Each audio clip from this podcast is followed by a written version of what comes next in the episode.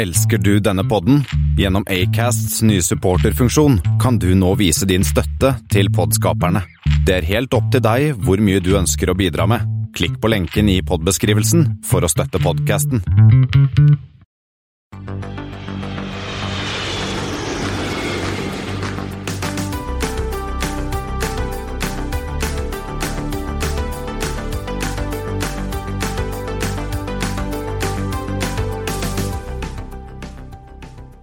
Hei og velkommen om bord på Flybåtens flight 173. Som vanlig hører du meg, Kristian Kamhaug, og Espen S. vi er fremdeles på hvert vårt hjemmekontor, men eh, pandemien er ferdig, Espen. Det var den. Det var den pandemien, eh, slik jeg forsto det og tolket det. og ja. Ja, Vi hadde vår andre frigjøringsdag på lørdag. Var du ute og brant eh, munnbind og greier? Festa Nei, og slåss men og sånn? Nei, men jeg var faktisk i Drammen på byen på fredag som en tjuvstart. Og så var jeg hjemme på frigjøringsdagen. Du er Gæren. Liksom. Du begynte Du, du drev ikke og- slikka folk i ansiktet og sånn da? Gjorde du det? Nei, litt av det. Lite av det. Lite av det. jeg, jeg var ute og feiret uh, på en ny, en ny restaurant i Asker sentrum. Por favor, tapasrestaurant. Jeg har bare hørt om den. Eh, det vi ikke har slikket folk i ansiktet heller. Eh, ja, kanskje kona litt, da, men det, det gikk greit. Bare litt. For Eh, jeg slåss ikke. Slåss ikke, nei. Men jeg, i dag var jeg, da var jeg på Rema. Da drev folk og, da drev de og fjernet disse avstandsmerkene på gulvet. Det var den eneste at- tingen som egentlig var positivt som kunne bli værende. Men, uh, Ja, jeg er litt enig. Godt. Kan vi ikke fortsette å holde litt avstand? men uh, hva har vi i denne sendingen, Christian?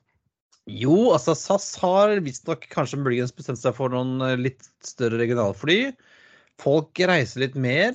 BA dropper uh, Gatwick, og, og mm, vi um, Det ser ut som uh, Ja, det, vi, har, vi har litt Vi har sett litt på forskning rundt elfly. Ja. Og du har møtt paven.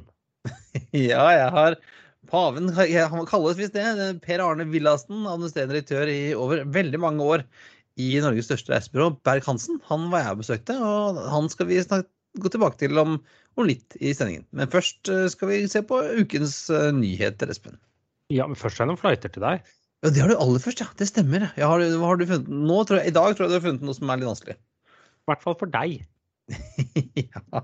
Vi skal komme tilbake til hvorfor. Eh, Vi begynner med VJ 173 HAN til SGN. Går med forskjellige 321 og 320 Neo-varianter.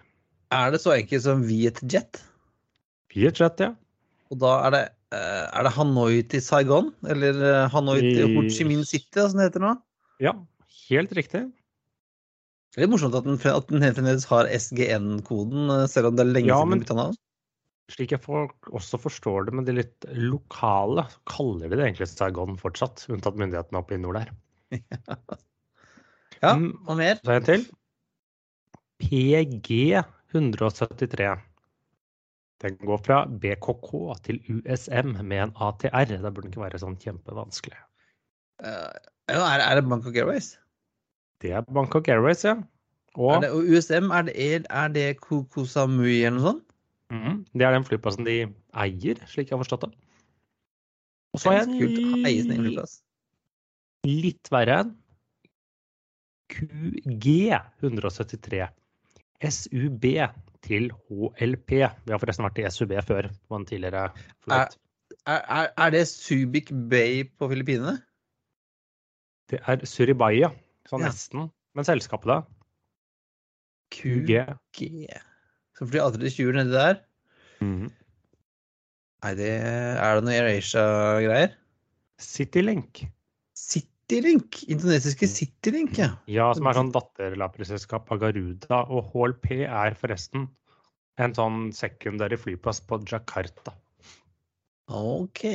Ja, et, det er vel Altså, jeg må innrømme at eh, indonesisk innenriks, det hadde jeg vel prøvd å unngå. Jeg hadde alltid tatt en på laget hvis noen sender meg dit, men uh, hva er likheten da, Christian? Vi er i Asia, i hvert fall. Vi er, og det er, det er, og det er lavprisselskaper. Eh, Eller kanskje ja, of Airways er vel ikke det? Jeg vet ikke, men eh, Og det er innenriks. Innenriks i Fjernøsten. Yes. Og som du sa, jeg er jo ikke en fyr som har vært mye i Asia. Jeg foretrekker å reise vestover. Go west, young man, sier de til meg. Og da vil jeg heller ta en tur til USA eller Karibien enn å dra til Asia, faktisk. Så jeg har uh, Tokyo og Maldivene. Det har jeg gjort i Asia. Ja. Men du har en ulykkesflight? Ja, det er United Flight 173, en DC861. Det er en lang, lang Eh, sak tilbake i den 28. desember 1978. Den gikk da opprinnelig fra John F. Kennedy, eh, New York, vi, med stopp i Denver på den Stapleton, gamle Denver-flyplassen, og videre til Portland, Oregon. Om bord hadde de eh, 170, 181 passasjerer og 8 crew.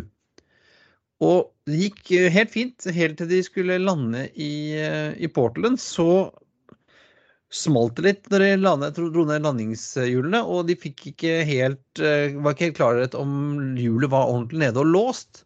Så de tok, brukte en time på å fly rundt og rundt for å sjekke om dette landingshjulet egentlig var nede eller ikke. Men med og, landingshjulene nede og flaps fullt ute? Ja, 15% flaps og landingshjulene ute og i ganske lav høyde. Da brenner du rimelig bra med fuel uh, på en time. Så mye at så mye at uh, når, når, det endelig bestemte seg for, å, for å, å, prøve å lande, uh, om, uh, understellet var nede eller ikke, så stopper motorene å gå. For de hadde jo gått helt tom for fuel. ja, brukt... her var det jo, selv med da det var lenge man hadde tre crew i cockpit, og sånne ting, så var det ingen som satt og fulgte med på fuel-måleren. Alle satt og leste checklist for landingsunderskjell. Ja, eh, og det minner litt om den derre Vi har vel vært borti den derre Eastern Flight 401 i Florida, for, som vel var litt seinere. Eh, hvor de også da var opptatt av noe helt annet og merket ikke at flyet gikk og fløy i bakken. Her altså, de har brukt mye tid og ikke fått med seg helt før på slutten der at de gikk tom for fuel. Det, det er ganske utrolig. Så de land, rakk ikke fram til flyplassen. De krasja i et boligområde ti, eh, to, to crew og åtte passasjerer omkom. Og de se bildene, Vi legger noen av disse bildene i, i notatene, men det er ganske bisarre. For da er det som inn i et boligområde, inn i et skogholt ved siden av en vei, så ligger et svært fly. Relativt helt. Ja, for det, det tok jo ikke fyr, eh, heldigvis. Men eh, den, de traff noen trær og sånn, så det var jo ikke Det var vel en, noen 30 av, av passasjerene som ble skadd også. Det, dette ble litt sånn textbook-case etterpå, den der med sånn typisk dårlig cockpit eh, management. Cockpit research management. Mm. Så mm, når du først har et det, og Sånn er det ofte med ulykker. Det, det, er gjerne ikke én ting som går gærent. Det er mye, gjerne mange ting som går gærent på en gang. Nei, det er jo ikke første ulykken hvor det skyldes at man si, forsøker å løse et problem, og så si, glemmer man å fly. Litt, ja, og de, uh, så da oppstår det et annet problem.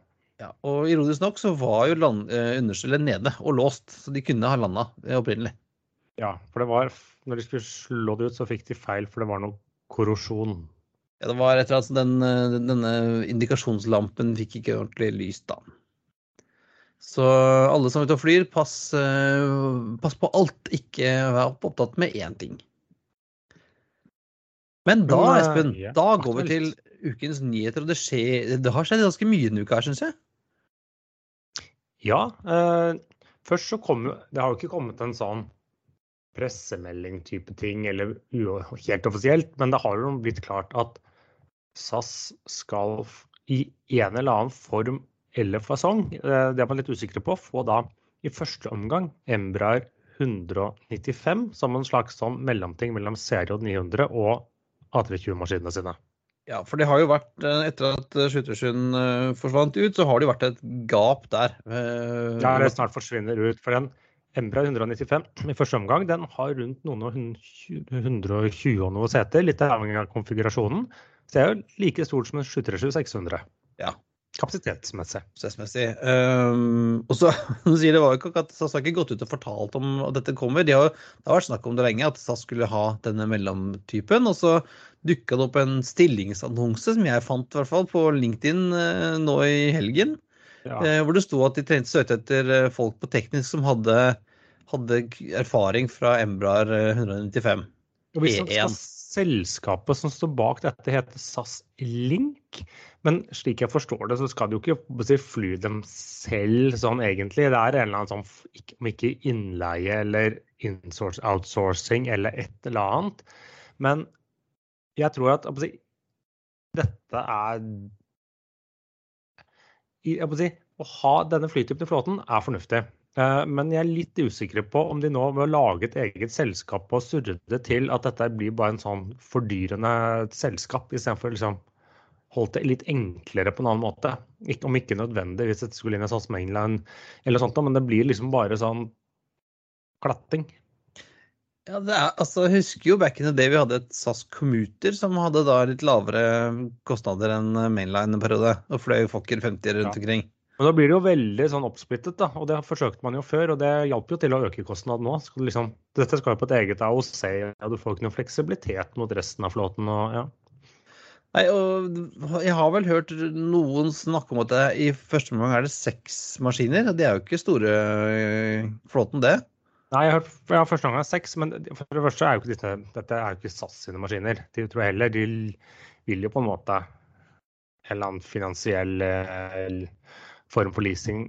For slik jeg har forstått det, så er det også en slags semimidlertidig løsning, mens vi tenker på om de skal gå for eh, eh, Airbus 220, eller om de skal eh, en Embraer E2. Ja, for det er jo litt rart. SAS pleier jo ikke akkurat å gå for noen no brukte kjerrer. Så, det, så det, no, jeg så jo bekreft, at noen bekreftet fra SAS i dag at dette var en midlertidig løsning. Ehm, så får vi se da hvor, hvor lenge midlertidig er, og, og hva, hva, det langsiktige opplegget skal være. Men dette, dette er jo litt eksempel på at jeg tror alle kan være enige om at SAS tidligere hadde altfor komplisert flåtestruktur, altfor mange maskiner. Men nå har de jo sett seg veldig blinde på at de omtrent bare skal operere av narrowbody, da, A320.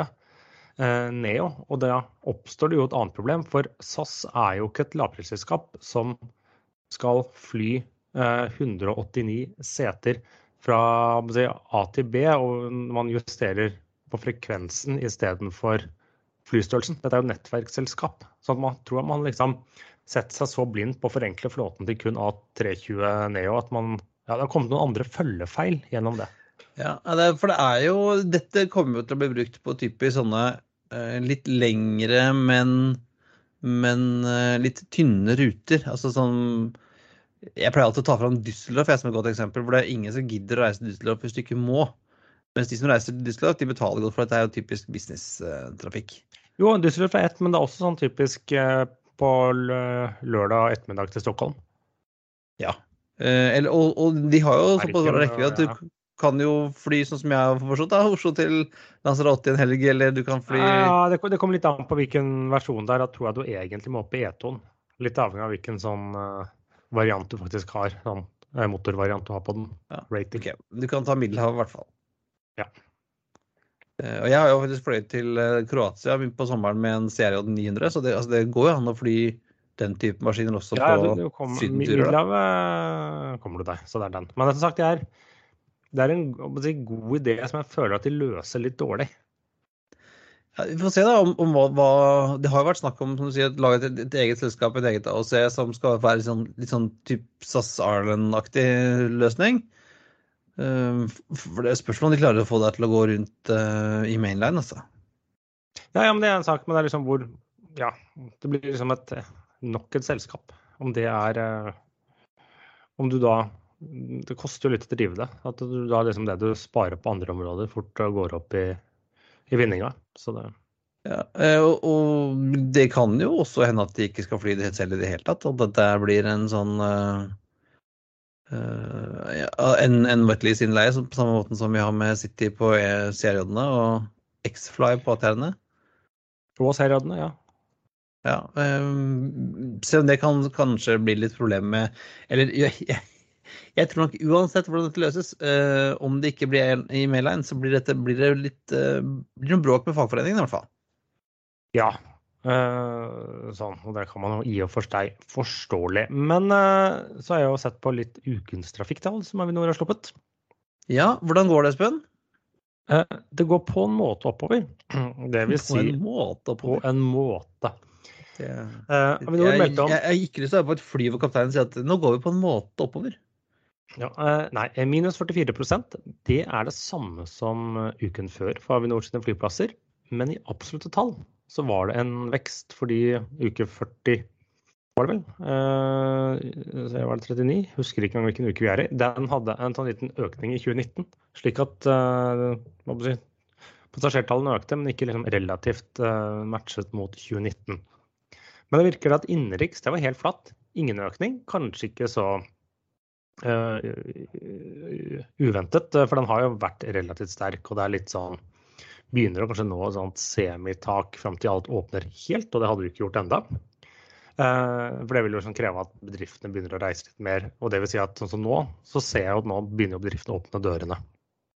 Ja, nå er det jo sånn eh, hjemme, de som har kost seg med hjemmekontor, det, det er slutt på. Det begynner å bli slutt på, og nå ser jeg også, kan jeg bare si for min bransje, er at vi har ikke alle, men nå har vi flere eh, kunder som lar eh, oss møte oss face to face. Ja. Det skaper jo litt reising. Eh, Men så får vi se hvordan det blir framover. Men utenriks, da var det vekst både av absolutte tall og relative tall. Så det gikk fra minus 69 til minus 70. 67% sånn 2 prosentpoengs forbedring. Jeg tror nok kommende uke er ganske lik. Men det som blir spennende nå, er jo spesielt da hvordan denne gjenåpningen nå påvirker høstferietrafikken. Eh, og da spesielt utenriks, nå melder jo alle som har noe å melde, at de har eh, bookingene nå skjøt i været etter eh, gjenåpningen og reiser fra og med er det 3. oktober hvor man kan reise rimelig fritt innen EU-EØS. Det, og det hører vi jo nå fra alle omtrent, charteroperatørene og finn.no. og Alle sier jo nå at nå, nå bookes det for full fart. Og så kom jo nå SAS også og sa at de øker på USA, eh, i og med at USA åpnes for oss stakkars utlendinger fra november. Ja, da øker de fra november, og nå ser jeg nå at de sier at nå begynner det å bli fullt på alle sånne sydenfly til høstferien. Ja, der røyk den eh, planen om høstferietur for meg, Espen. Så da blir det nok Ja, eh, hjemme. Det er, jo, det er jo mulig for deg for det, da. Du, bare, Jo. kanskje, du liker jo å fly via via. Jeg syns jo det er helt strålende. Eh, Men det er ikke alle de som reiser sammen med meg, som vil det, da. Nei, men nå hadde jeg ikke noe valg, så nå kan du ikke skylde på deg. Nå, kan du, nå kan du skylde på andre ting enn at du hadde lyst. Ja, ja, vi får se. Vi får se. Det blir jo, prisen har jo også gått litt opp, da. Ettersom etterspørselen har beveget seg oppover også. Men det ser bra ut, men det blir jo også da Jeg tror at de neste store ja, Nå høstferien blir jo uke 40. eh, Det blir jo litt sånn bob-bob den. Men så har vi da uke, når vi da kommer til uke 41-42, da i hvert fall, så begynner vi å kunne se effekten av eh, åpningen på businesstrafikken, burde vi se. Ja, det blir eh, mest spennende. Men til, eh, hvis du vil til vinteren, da, så kan du jo fly ned til Grenka fra Bodø og Tromsø med Smartwings. Ja, fordi at Smartwing skal, har jo fått avtale med TUI om å fly Er det én gang i uken fra Bodø og Tromsø?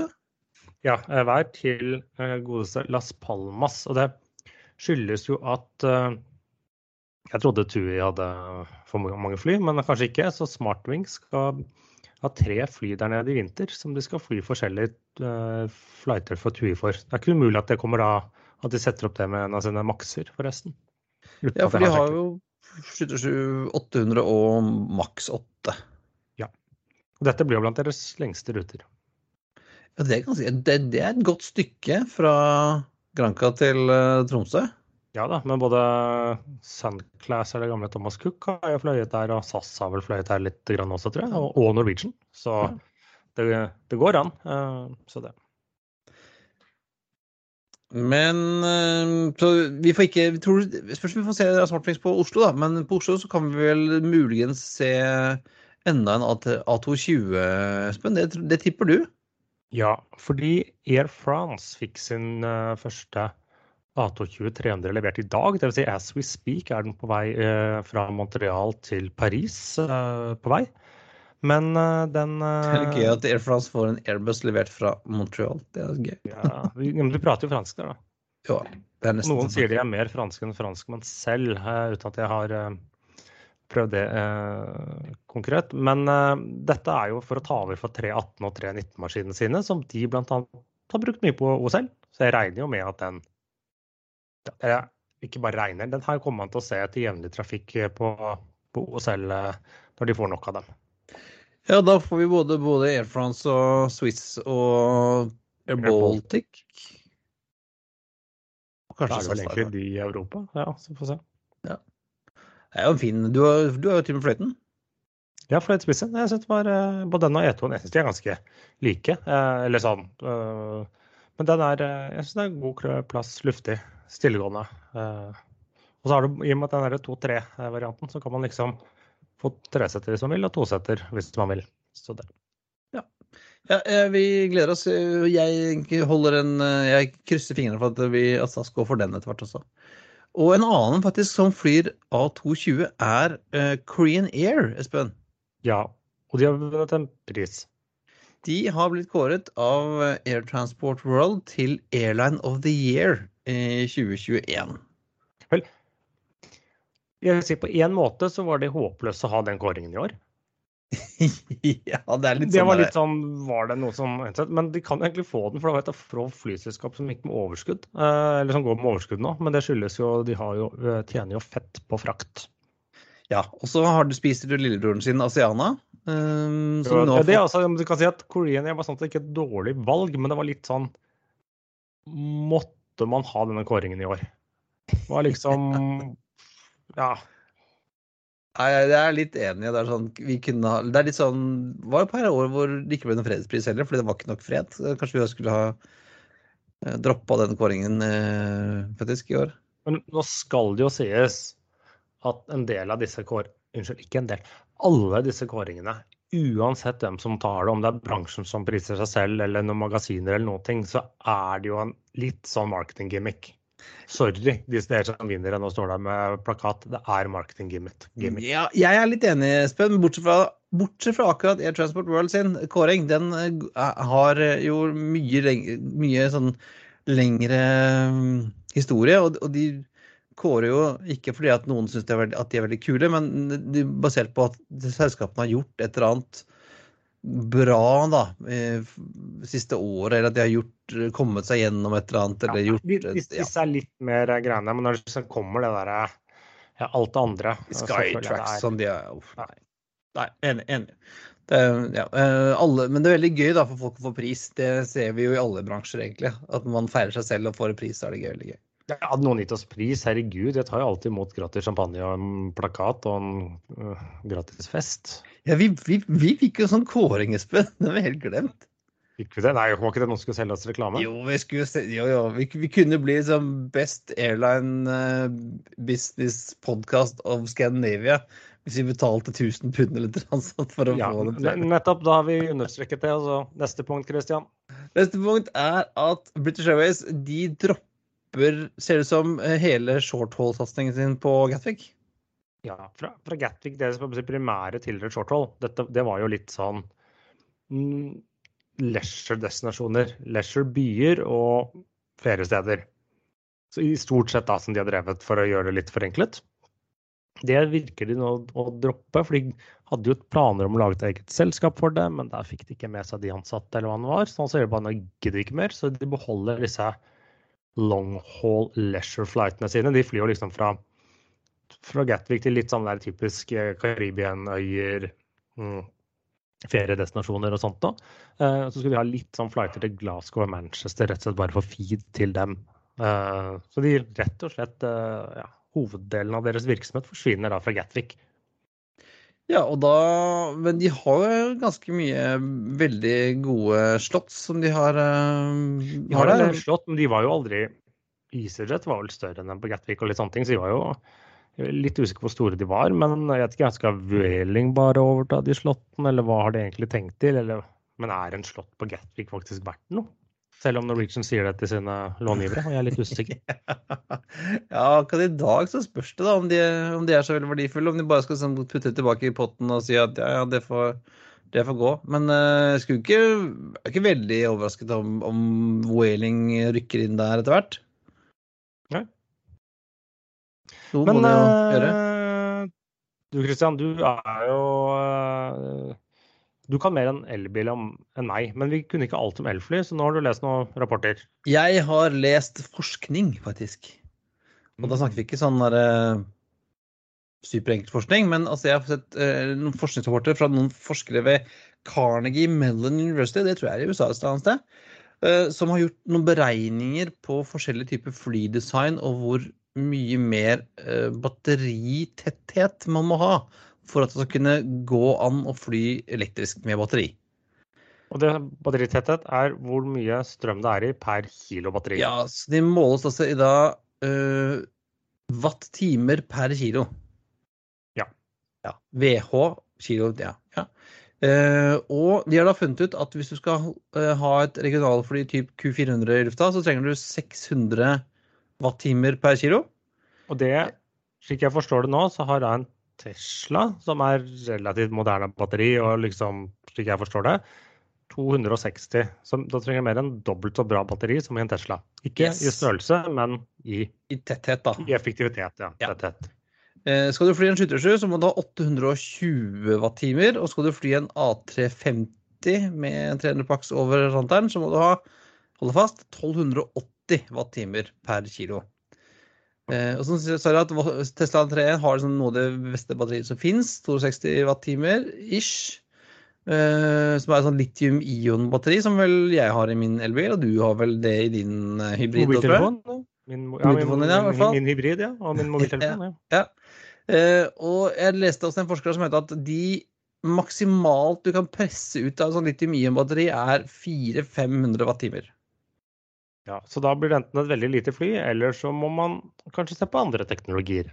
Ja. Eh, og det finnes noen andre typer noen for i er Mye rart. Men eh, han, eh, forskeren i hvert fall, han mente at det er ikke umulig, Det tar bare litt tid. Ja, og det tar jo også glidende over til kanskje neste punkt. For er det nå at hvert flyselskap skal ha sitt eget fly, elfly? Eller hvert land, i hvert fall, tror jeg skal Ja, eller bare virker det sånn? Ja. For vi har jo sett på flere, flere typer elfly. Nå er det da den sistemann ut, eh, som jeg leste nå, er eh, et selskap i Spania, Dante Aeronautical, som sammen med Volotea og Air Nostrum planlegger en, eh, en 19-seter, ser det ut som, med elmotorer. Og da teller jeg altså 1, 2, 3, 4, 5, 6, 12 propeller på den 19-seteren. Ja, og det diskuterte vi litt forrige gang. Men eh, Dante Aeronautical skal da hete Inferno, det flyet? eller? Ja, jeg håper, det, håper ikke det blir en inferno, da, i hvert fall. Men uh, fra elfly til griser Om ikke Ja. flyvende i den, den saken. Pigs, pigs will fly, uh, tror jeg. Nei, altså, flyplasser um, er, er jo veldig mye store, åpne plasser. Gjerne i nærheten av, øh, av, av sjøen av en eller annen grunn. Og hva Der er det finner- fugler. Der er det fugler. Og fugler og fly ikke en veldig god kombo. Ikke all veldig, men det er noen som skal forske, eller noen som har en hypotese om at det er en måte å skape noen syner synergier ut av dette og bruke noen andre dyr for å holde ting i unna. Ja, for flere flyplasser har jo Jeg har sett de har folk som har hunder, og andre som har sånne fa jaktfalker. Som driver og skremmer fuglene bort. Men altså, eh, på Skiphol så skal de nå teste De holder faktisk på å teste, tror jeg. øh, griser. Ja, så de skal sette opp noen sånne grise... Inn, Bing- jeg holdt på å si inngjerdninger. Ikke bingefly, de hadde god plass, men rett og slett en sånn gris... Hva heter det der, de går, der grisene går rundt? Jorde, heter det vel Ja, egentlig. Grisejordet. Grisejorde. Ja. Og de skal da For de grisene er der, så skal ikke, vil ikke fuglene være der, er da hypotesen. Ja. Det er det de mener. For de liker jo å gå ned i gresset og finne ting og tang og sånn, fuglene. Men eh, hvis grisene går rundt der, så er det ikke plass til fugl, da. Nei. Og så kan de selge da aviation bacon på flyplassen i, på Schiphol ettertid. Det hadde vært noe. Altså bacon med litt sånn Jet av én-smak. Jeg hadde kjøpt det. Ja, selvfølgelig. Men uh, hvor skal vi nå? Vi skal til Afrikani hetene.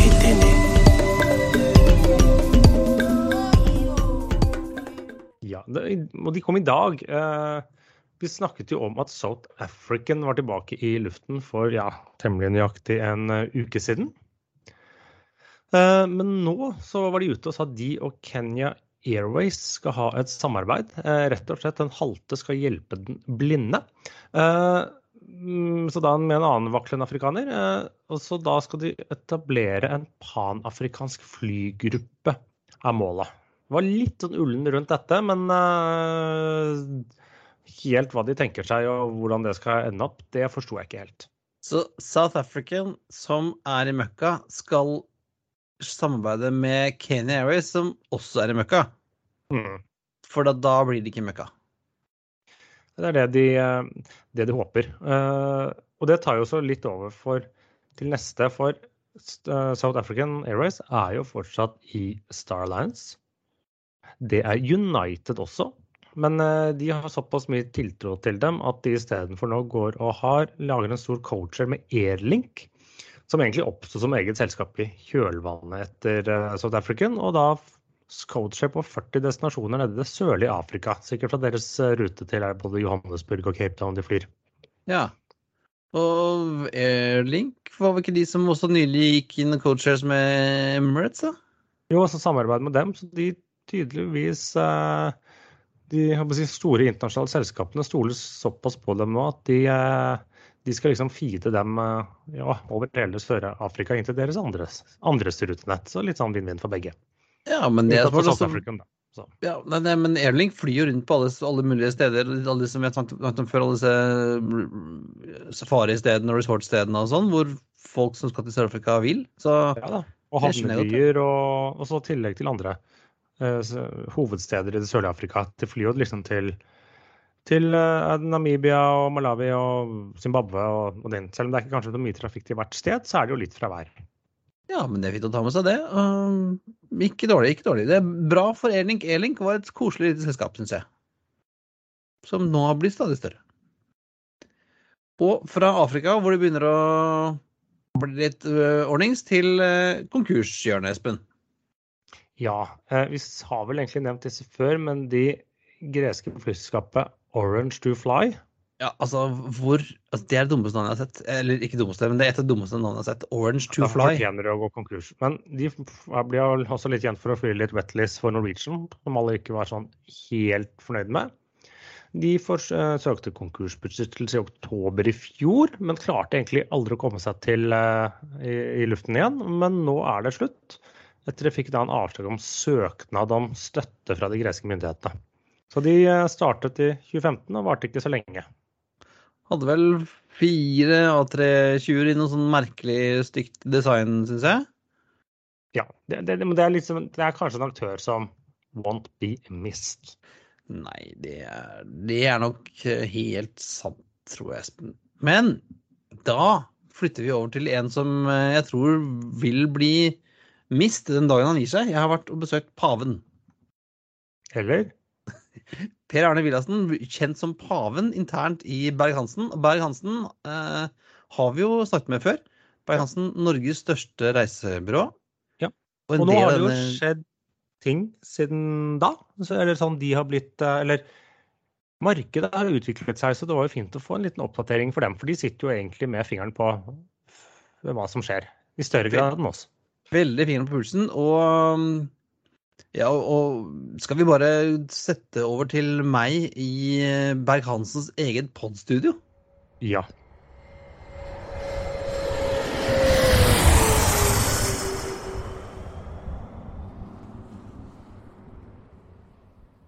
Ja, da holdt jeg på å si velkommen til Flypodden, Per Arne Villassen. Men det er jo, igjen, nå sitter jeg jo deres eh, i Berg-Hansen sitt studio. Ja, velkommen til oss, får jeg si da. Vi har uh, under pandemien etablert vårt eget si, lydstudio for å kunne produsere ulike sendinger både internt og eksternt. Så sa du at dere har TV-studio òg? Ja da, vi har også under pandemien etablert et TV-studio. Det har vært et stort behov i kundemassen vår for å si, kjøre interne streaminger, uh, ulike former for møter og konferanser i et studioformat. Så, så, det er ting som vi har tatt til oss og akselerert da, under pandemien. Er det ikke det man forventer fra et reisebyrå, eller? Nei, men nå er det ikke alle som vet helt hva et kan vi si, Berg-Hansen er, da, et moderne reisebyrå er. Vi, vi, lever jo at folk treffes, at de møtes, snakker sammen. Så vi har alltid vært opptatt av digitale møteflater, men kan vi si, utviklingen rundt produktene har jo akselerert veldig nå det siste halvannet året. Ja, hvordan, hvordan har det på en måte vært? For at, uh, dere har jo tradisjonelt vært flinke, eller vært store på Både flinke og store, men selvfølgelig. På um, store arrangementer og møter og konferanser og sånn. Hvordan har det Først må jeg si, hvordan har det fungert under pandemien? Ja, altså Korthistorien er at det markedet, fra å generere rundt 50 millioner kroner i inntekter i året, gikk i null i løpet av noen uker. Ja. Um, og da er det jo det er jo litt sånn når krisen er der, så må du jo se etter nye muligheter. da. Og kundene har jo behov for å snakke med kunder, snakke med egne ansatte. øh, masse behov for informasjon. Og det er jo ikke alle som har kompetanse og kapasitet til å ha dette på kontoret, så da var det naturlig at vi, som da lever at folk møtes, eh, også kunne tilby den type produkter. Men hvordan ser det ut nå? Begynner folk å eh, booke folk kurs og konferanser? Flere og flere virksomheter eh, gjør kontrakter med et profesjonelt reisebyrå. Ja, det, men det er først og fremst forretningsreisende som, som bruker reisebyrå i dag. Ikke som i gamle dager hvor man ringte for å bestille en tur til Bergen, liksom. Ja, det er nok riktig. Eh, Men det er også interessant å se at eh, vi har et veldig stort, skal vi se, stor vekst i privatmarkedet som bare skal ha flybilletter og hotell. Fordi du har eh, Det er enkelt. Du, du booker på samme måte som du gjør når du er på jobben. Og stadig, stadig flere ser at den tilgjengeligheten og servicen og det, kan vi si, den tiden du sparer, da, er av stor verdi. Også for deg som privatperson. Ja, og så er det jo hver sommer, så må jeg si jeg ler litt av de stakkarene som har kjøpt for et eller annet uh, cheaptravels.com.uk eller et eller annet sett, og, og blir lurt eller ikke får reist eller ting skjer. Eh, og der er jo en, en helt annen sikkerhet for om man booker gjennom sånn som dere, da. Ja, det er, det er noe helt annet. Og det andre er jo at du får, du får egentlig det du kjøper. Um, Nå skal ikke jeg liksom harselere over de forretningsmodellene, men det er jo veldig mye basert på at du kommer inn i en bookingprosess med lav pris, og så er det veldig mye si, unødvendig og dyre tillegg som gjør at si, summen på kassalappen ofte blir vesentlig høyere, i tillegg til at du egentlig er overlatt helt til deg selv. Så du mener at reisebyrået fremdeles har, eh, har livets rett? Absolutt, men det er jo sånn med oss sånn som alle andre bransjer. Vi er nødt til å utvikle oss hele tiden. Se muligheter, skape verdier for kundene. Eh, Det gjelder jo alle bransjer, egentlig. Så, så det gjelder å være litt foran i skoa hele veien. Og dere er jo, øh, har jeg opplevd, øh, en av de aktørene i norsk reiseliv som kanskje er mest opptatt av bærekraft. Hvordan hjelper dere kundene deres til å bli enda mer bærekraftige i sitt reisemønster? Ja, det er, det er egentlig en litt sånn usikker på hvor jeg skal starte. Men eh, grunnen til at vi er veldig opptatt av bærekraft, det er jo at eh, kan vi si, reiseindustrien, og kanskje særlig flyindustrien, har jo et stort fotavtrykk på, på klima. Eh, og jeg er jo en av de i bransjen som var veldig tidlig ute og sa at kanskje vi må tenke på å reise mindre. Og det har jeg fått veldig mye kjeft for. du fikk mye kjeft for det. Det, har jeg, det var greit, men det tenkte jeg, nå er det litt sånn morsomt å se på det i dag. For det er ikke mange år siden. Og i dag så er vel egentlig alle enige. I hvert fall de sier de er enige. Eh, og for oss, sånn som jeg ser det, er at vi er nødt til å få en mer bærekraftig skal vi si, reiseindustri. Hvis ikke vil jo folk slutte å reise. Så for meg så er dette med å ha en aktiv og en si, litt sånn progressiv si, strategi på det området, en måte på å sikre vår egen fremtid. Og så får vi heller tåle at man reiser litt mindre. Men vi, vi, vi, vi kan jo liksom i verste fall da, kan vi innebære at folk slutter å reise fordi klimaavtrykket er så stort. Og det, Folk kommer jo aldri til å slutte å reise, da, men det, det handler om å ha, tenke at vi skal være en, en bransje som utvikler seg og som vokser over tid. Og da er vi nødt til å tilstrebe skal vi si, nullutslipp da, eh, på flyreiser og klimanøytrale arrangementer osv. Ja, for jeg har jo, det, det er jo litt sånn svogerforskning, selvfølgelig, men jeg har jo møter jo kolleger som sier at nei, de vil ikke ta det møtet i Stockholm, for da må de reise. Eh, og så er jo også argumentasjonen da, etter, etter halvannet år med, med covid at eh, altså, Teams funker veldig bra, men det, du kan jo ikke bygge tunneler på Teams. Nei, eller, er- eller team, men som min kollega Espen sier, eh, kan aldri, du kan ikke bygge Teams på Teams.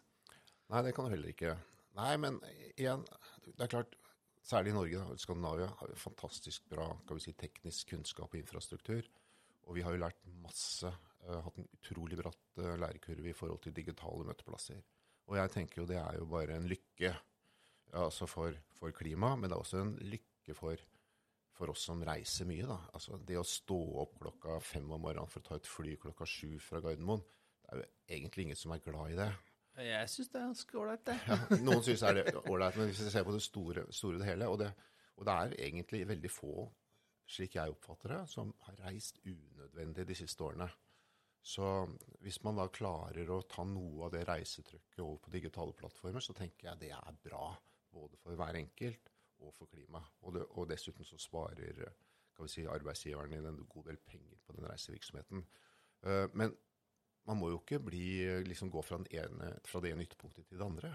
Altså det å møtes um, Det handler om å utvikle relasjoner. Det handler om å forstå kundene bedre. Det handler om å ja, eh, tilby de riktige produktene ikke sant? rent profesjonelt. Det handler om å ha eventer, det handler om å bygge relasjoner, ha det gøy, bygge kultur. Reiser vi privat, så altså det er jo på en måte, det er jo det å realisere drømmer, kanskje dyrke vennskap, dyrke kjærlighet osv. Altså å oppleve ting. Er, eh, vi skal jo ikke slutte å reise. Så bærekraft og bærekraftig reising er jo viktig for at vi kan kunne fortsette å leve sånn som vi gjør nå.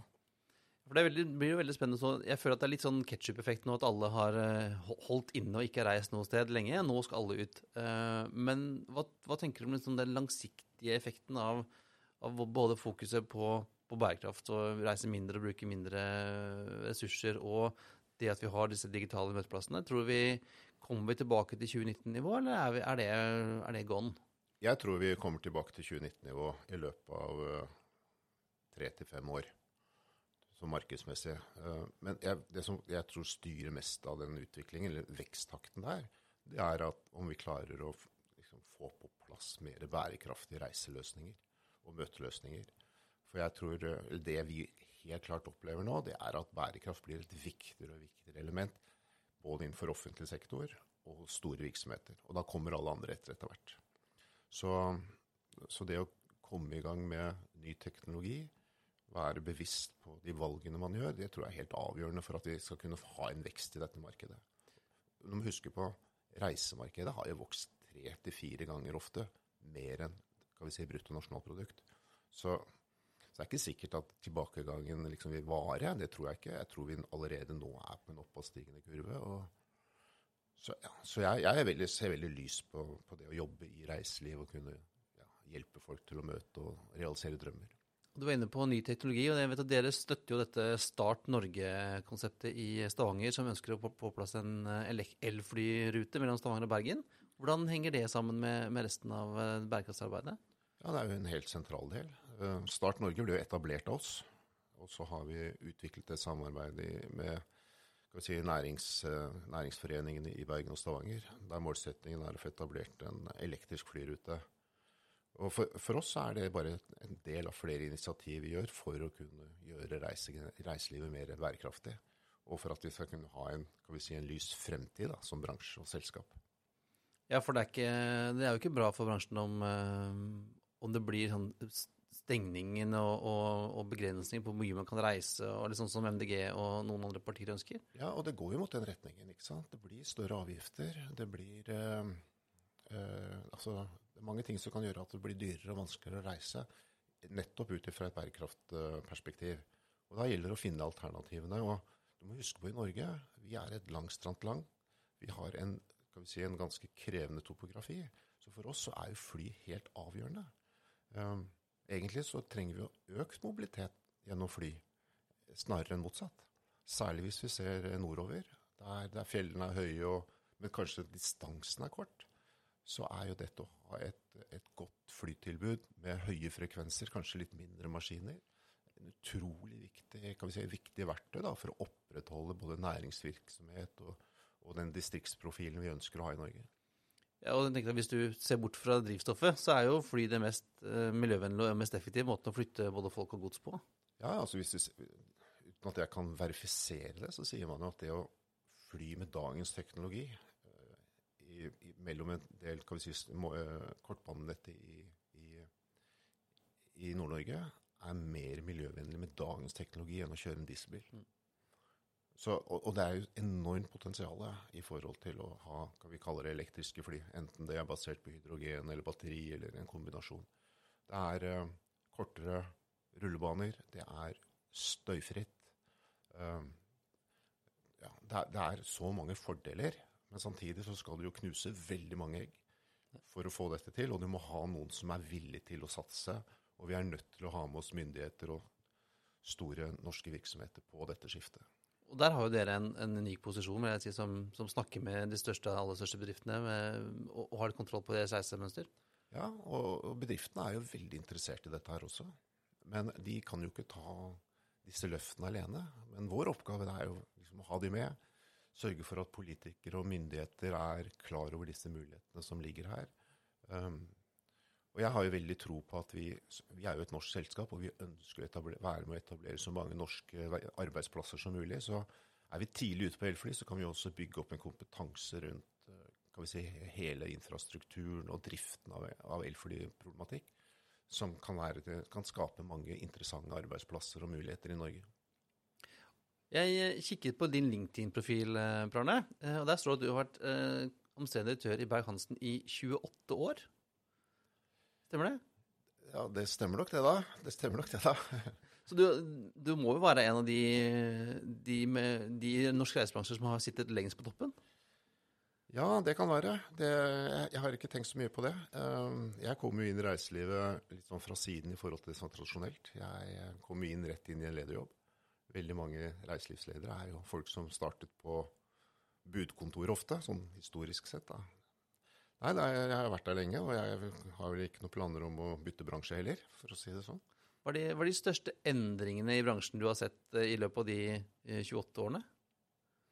Det er en enorm endring innenfor teknologi og ja, utvikle nye produkter. Altså når jeg kom inn i bransjen, så satt vi bare og Da satt vi og tok imot telefoner og hjalp folk til å booke billetter. Og vi hadde Bare i Oslo så hadde vi fem-seks stykker som kjørte billetter hver dag.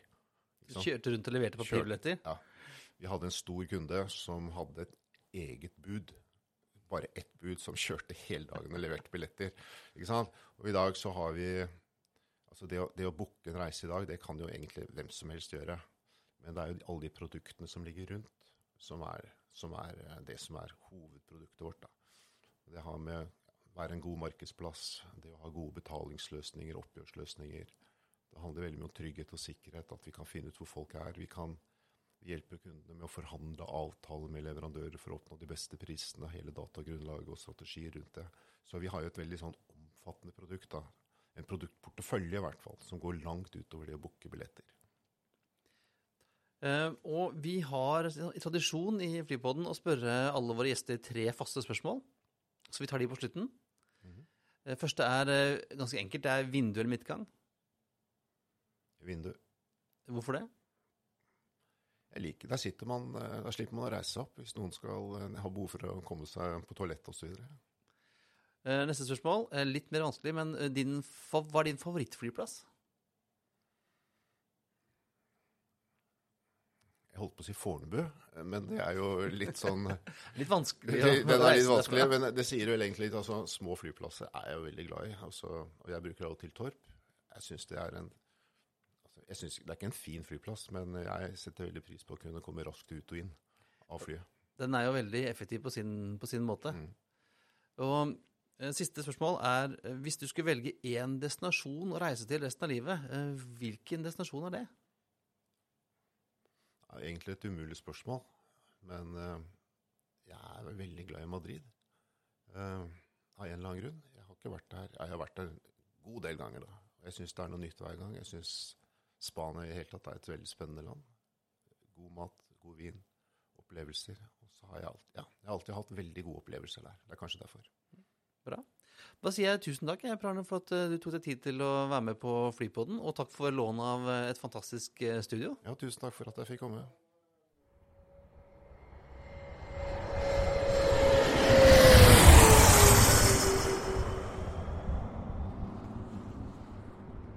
Ja. Det syns jeg var interessant. Veldig. Eh, og veldig gøy at vi fikk eh, lov til å komme. De, altså, de hadde bygd et eget studio med samme utstyr som jeg bruker på når jeg podder på, på jobben. Eh, en del av dette, den liksom endringen i, i, i, i produktporteføljen deres, da. Og måtte liksom lage TV-studio og podkaststudio.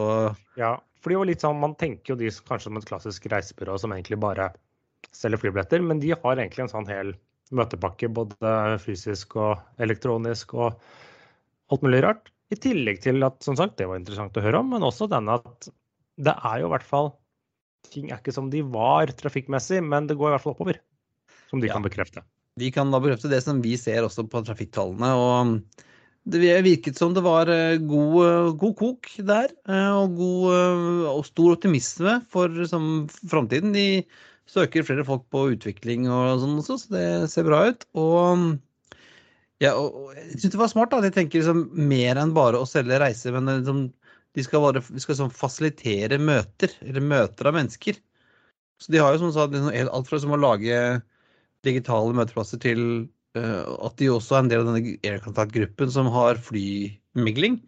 Og så kan de jo plutselig da uh, altså ha, no, ha chartre fly og alt mulig. Så det, det er jo en typisk en sånn one stop shop hvis du skal handle noe mer enn bare en tur til London, da. Men uh, har vi en anbefaling, Christian? Ja, det er vel uh, Nå er det jo ingen grunn til ikke å kjøpe flybilletter. Nei. Så alle de pengene du har spart på siste året på å ikke dra på pub og ikke dra, dra til Syden, nå er tiden for å kjøpe flybilletter. Men det var alt for denne gang. Det er på tide å feste sikkerhetsbeltene, rette opp setet og sikre fri sikt ut av vinduet ettersom flight 171 går inn for landing. Som vanlig finner du linker til det vi har snakket om i dag på flypodden.no, og du finner oss også på facebook.com slash flypodden og Twitter at flypodden og Instagram at flypodden. Har du spørsmål, vil dere invitere oss på flytur eller sponse oss, så er det bare å sende oss en mail på hallo at flypodden.no, eller en, ta, ta kontakt på Facebook.